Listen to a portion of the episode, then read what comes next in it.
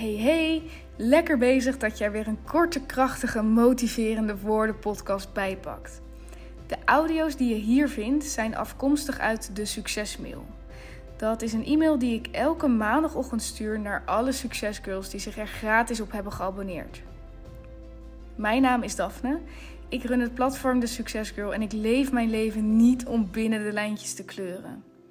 Ik wil het maximale uit het leven halen, het maximale uit mezelf halen. En ik heb zo'n vermoeden dat jij dat ook wil. En dit zeg ik met een hele grote lach op mijn gezicht. Check thesuccesgirl.nl op Instagram. Check de website en laat je nu vooral inspireren met deze motiverende woorden. Enjoy! Hey, welkom bij deze motiverende audio. Fijn dat je weer hier naartoe bent gekomen om te luisteren. En ik wil het deze dag, vandaag, met je hebben over kwetsbaarheid, over moedig zijn. De meeste van ons, en jij waarschijnlijk ook, wij hebben vroeger geleerd als kind dat het belangrijk is om moedig te zijn, om dapper te zijn.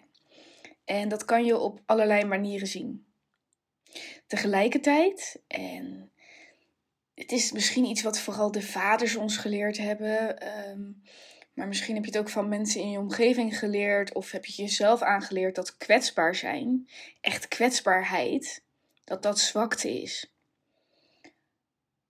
Want kwetsbaar zijn lijkt dan eigenlijk gelijk te staan aan dat je ja, iets niet alleen zou kunnen of ehm, ja, dat, je, dat het nog wel moeilijk wordt voor jou om, om het te gaan redden in het leven, ook als volwassene en als je er alleen voor staat.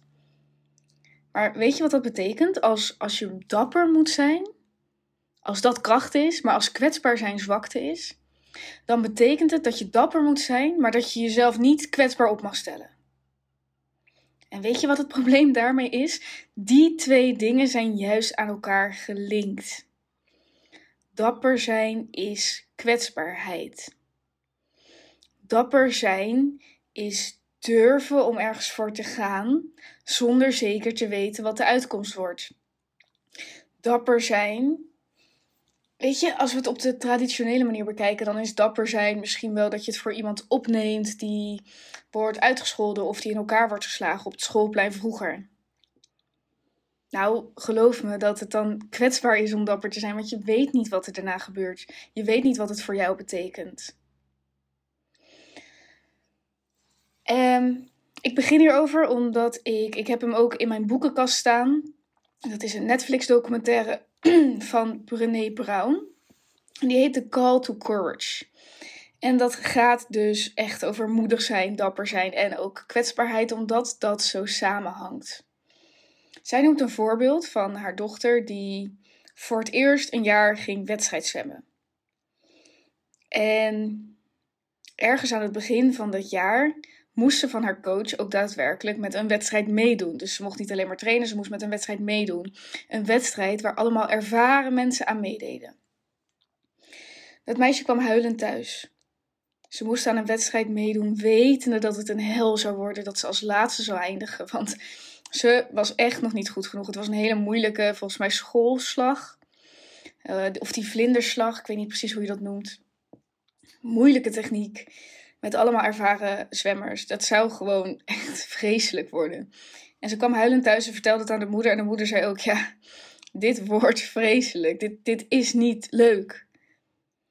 En ze vroeg: Moet ik meedoen? Moet ik meedoen aan die wedstrijd? En haar ouders zeiden allebei: Ja, als jouw coach wil dat jij meedoet, dan, dan moet je eraan meedoen.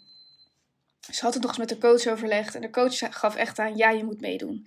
Maar een vriendin van haar zei ook: Weet je wat je kan doen? Op het moment dat je wordt opgeroepen, kom je gewoon niet opdagen. Dat doen meer zwemmers. Dat doen zwemmers soms ook wel eens per ongeluk, omdat die wedstrijden op de startblokken gaan heel snel achter elkaar door. Dat betekent dus dat soms zwemmers gewoon te laat zijn. Dat ze net naar de wc zijn of, of net niet horen dat ze worden opgeroepen. En dan dus missen dat ze op het startblok moeten staan en gewoon de start missen. Dus dat zou je kunnen doen zonder dat het daadwerkelijk echt opviel dat je het expres deed.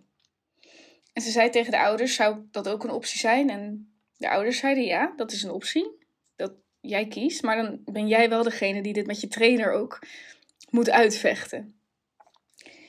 En um, Dus ja, ze denkt daar nog eens over na. En de wedstrijd is, het is zover. En haar ouders zijn gekomen om die wedstrijd te kijken. En het is tijd. Ze wordt opgeroepen. En nou ja, de ouders zien haar nergens. En laatste seconde dat, dat ze echt het water in moest, staat ze ineens op dat startblok. En de start is en ze springt het water in. En haar moeder ziet al dat ze enorm aan het vechten is, dat ze bijna niet vooruit komt. Interessant genoeg, nou, het is 100 meter en na 75 meter kijkt ze zo eens om zich heen. En ze denkt heel even, ik lig voor. Ze ziet niemand, niemand naast zich. Ze ligt voor. En dan is de laatste 25 meter en langzaamaan ziet haar moeder op haar gezicht dat ze door heeft, dat ze niet voor ligt, maar dat alle andere zwemmers het water al uit zijn. Ze ligt niet voor. De nieuwe zwemmers die alweer op de startblokken staan, die staan dus zelfs al klaar om het water in te gaan, maar ze kunnen nog niet omdat zij haar wedstrijd nog aan het afmaken is. En ze komt uit het water, ze houdt haar zwembril op en haar moeder ziet al dat doet ze omdat ze aan het huilen is. En ze loopt naar de ouders toe en ze zegt: That sucks. En haar moeder zegt: Yeah, that really sucks. En dan zegt ze: Maar weet je wat het is? Ik ben het water ingegaan. En dat was voor mij een overwinning. En nou ja, je kan je voorstellen, als je dan de moeder bent van diegene, dan ben je zo trots als iemand zoiets zegt.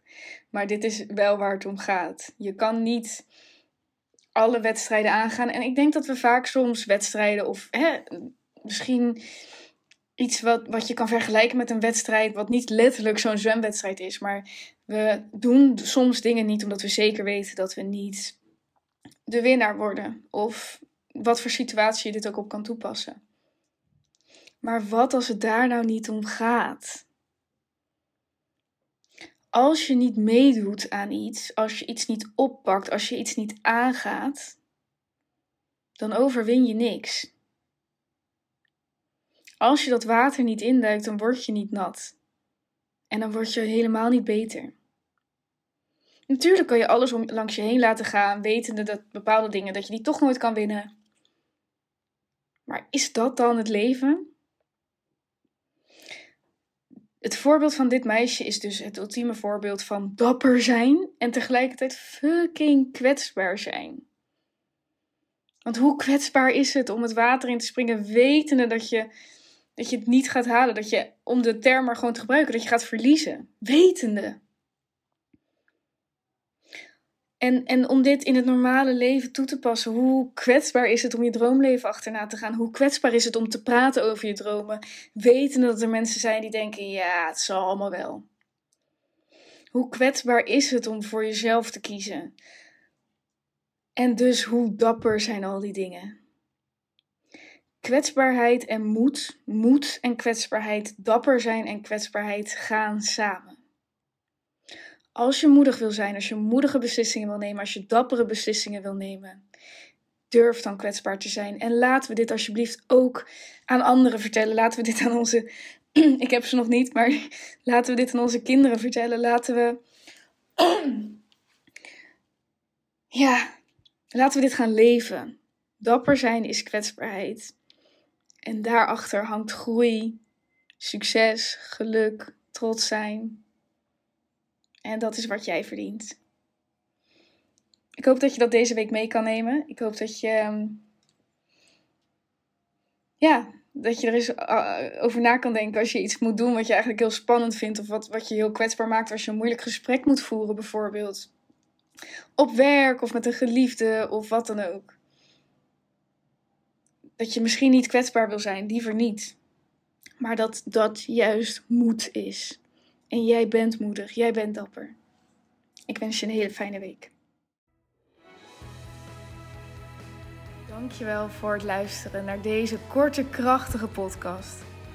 Als er een boodschap in zat, als het iets in je heeft losgemaakt, als ik je heb gemotiveerd, als je weer nieuwe energie hebt om te knallen, dan zou ik het echt, echt, echt geweldig vinden als je een screenshot wil maken of als je het op wat voor manier dan ook wil delen op jouw Instagram of op een ander kanaal of aan iemand wil vertellen.